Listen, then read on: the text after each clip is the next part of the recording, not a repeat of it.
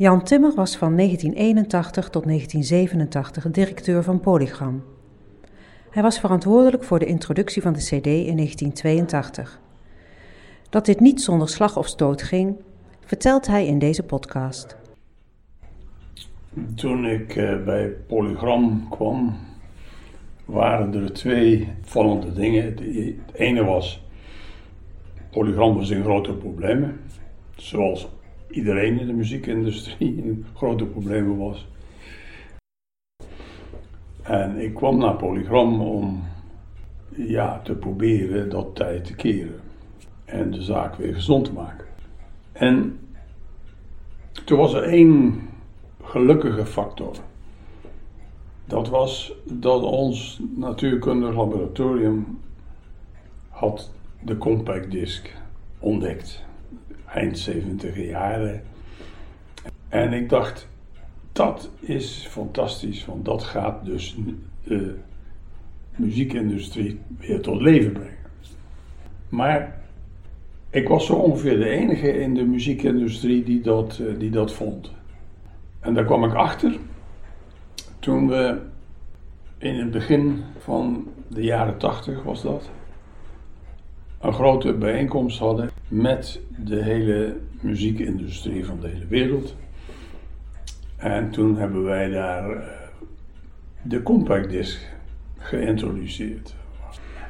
Dus wij togen vol optimisme naar Athene.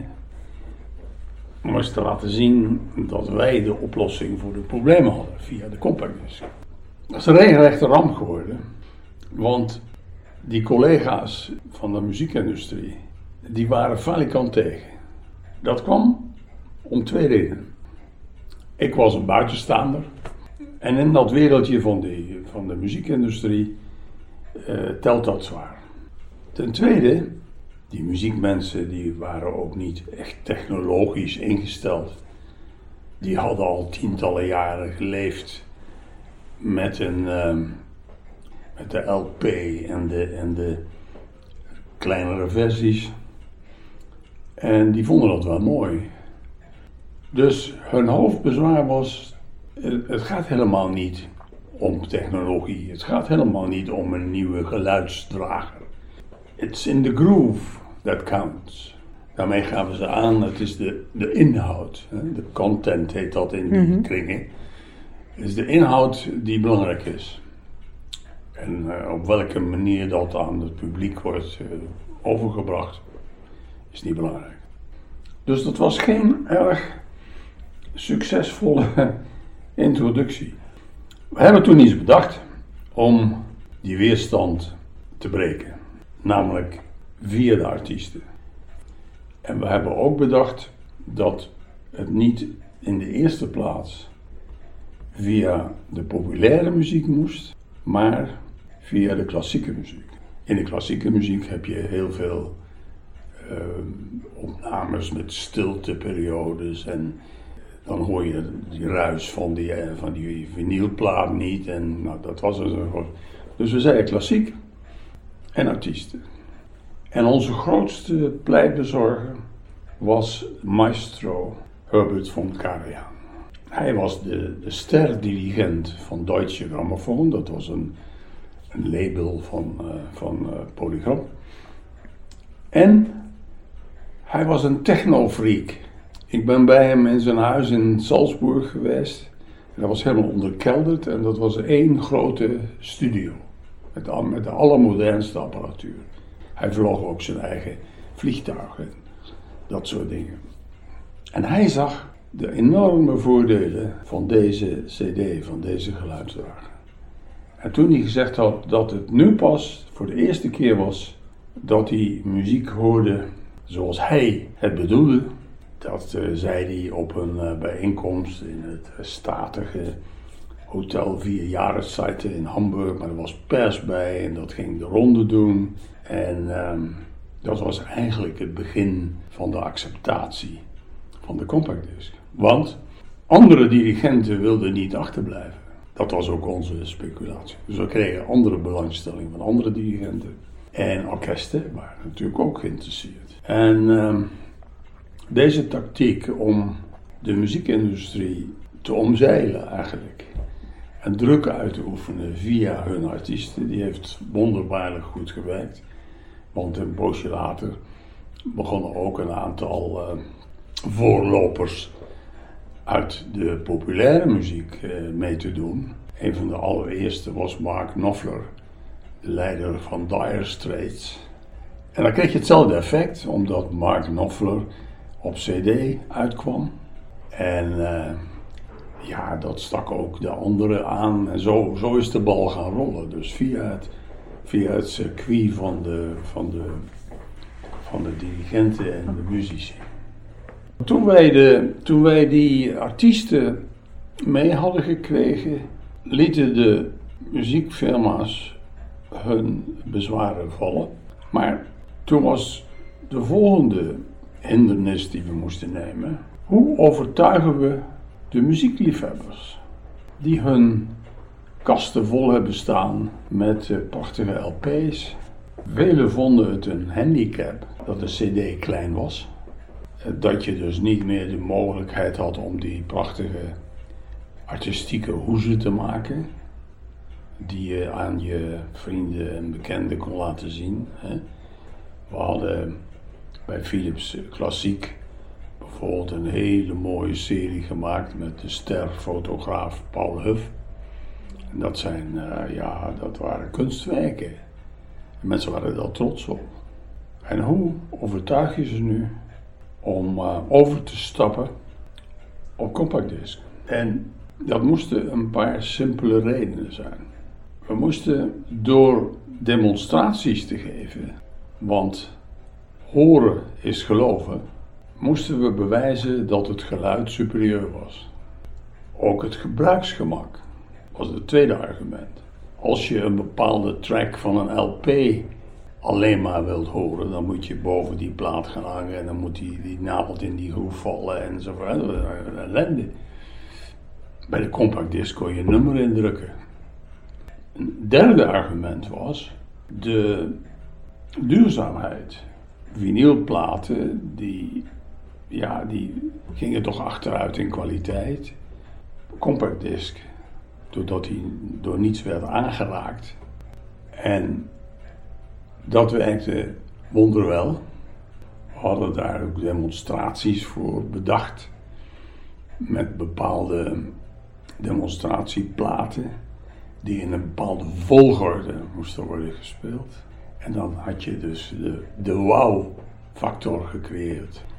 En uh, ik ben zelf op uh, heel veel grote beurzen geweest in Japan en in, en in Amerika en in Europa. We reisden over de hele wereld om demonstraties te geven.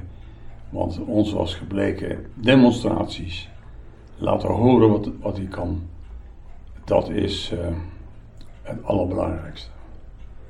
En daar, daar, gingen we ook wel een beetje ver in soms. Want als we het hadden over duurzaamheid, strooiden we ook wel eens wat uh, tandpasta op de dingen. Dan, we knipten er ook wel eens een stukje een heel klein stukje.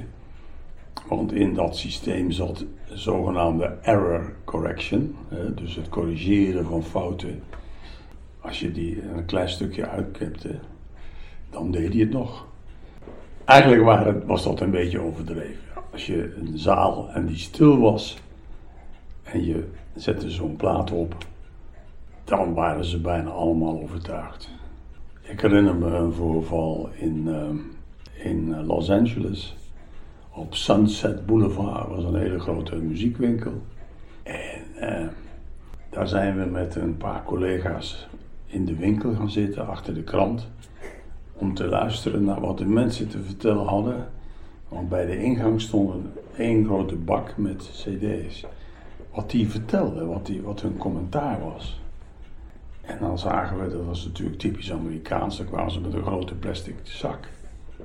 En dan pakten ze de eerste en de tweede en de derde en de twintigste cd, allemaal erin. En dan gingen ze weg. Toen zeiden nou zijn we op de goede weg. We gingen ervan uit dat de beste reclame was mond-op-mond reclame.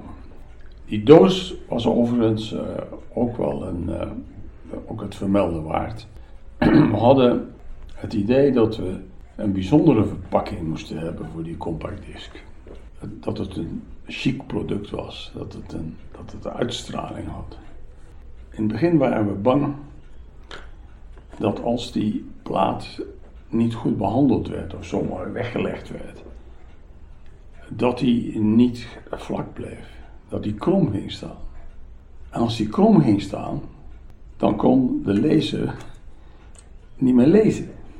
Toen hebben we bedacht dat er in het midden van die box zit dit ding. En daar past hij zo op. En hij ligt dus vrij. Hij zweeft in het doosje. Nou, dat was ook een vondst. Heel simpel.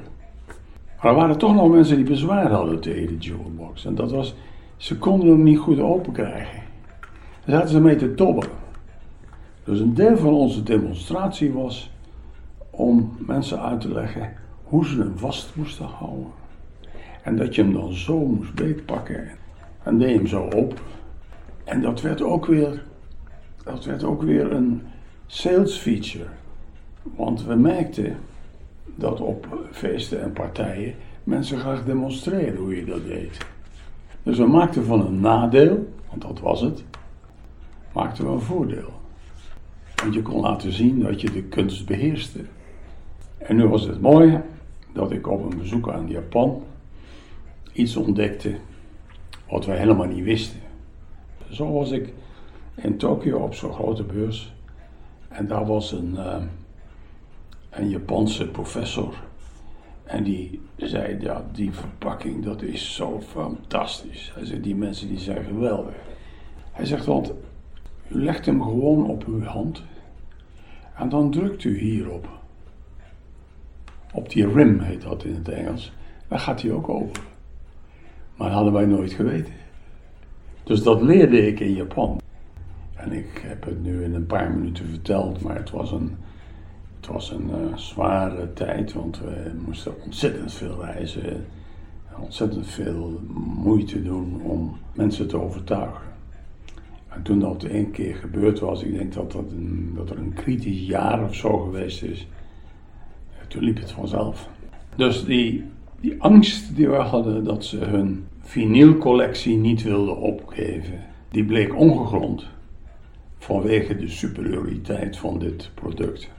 Maar het opvallende is, ik heb laatst nog een uh, toespraakje gehouden bij een club van mensen die nog uh, in de oude vinyl business zitten.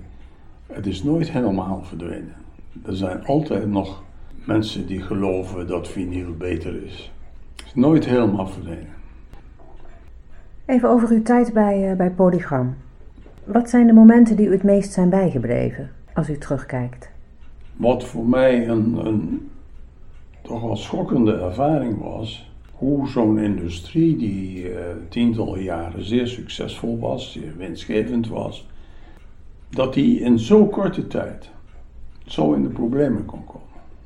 Doordat de discomanie zo snel verdween. En het opvallende is want de instorting van de discomarkt vond plaats zonder dat iemand wist dat er een compact disc aan zat te komen. dus dat had te, niet te maken met technologie, maar met de smaak van het publiek. die genoeg had, dat genoeg had van disco en iets anders wilde. Heel apart was dat. De CD veroverde de markt en in 1992 rolde de laatste vinylplaat in Baarn van de persen.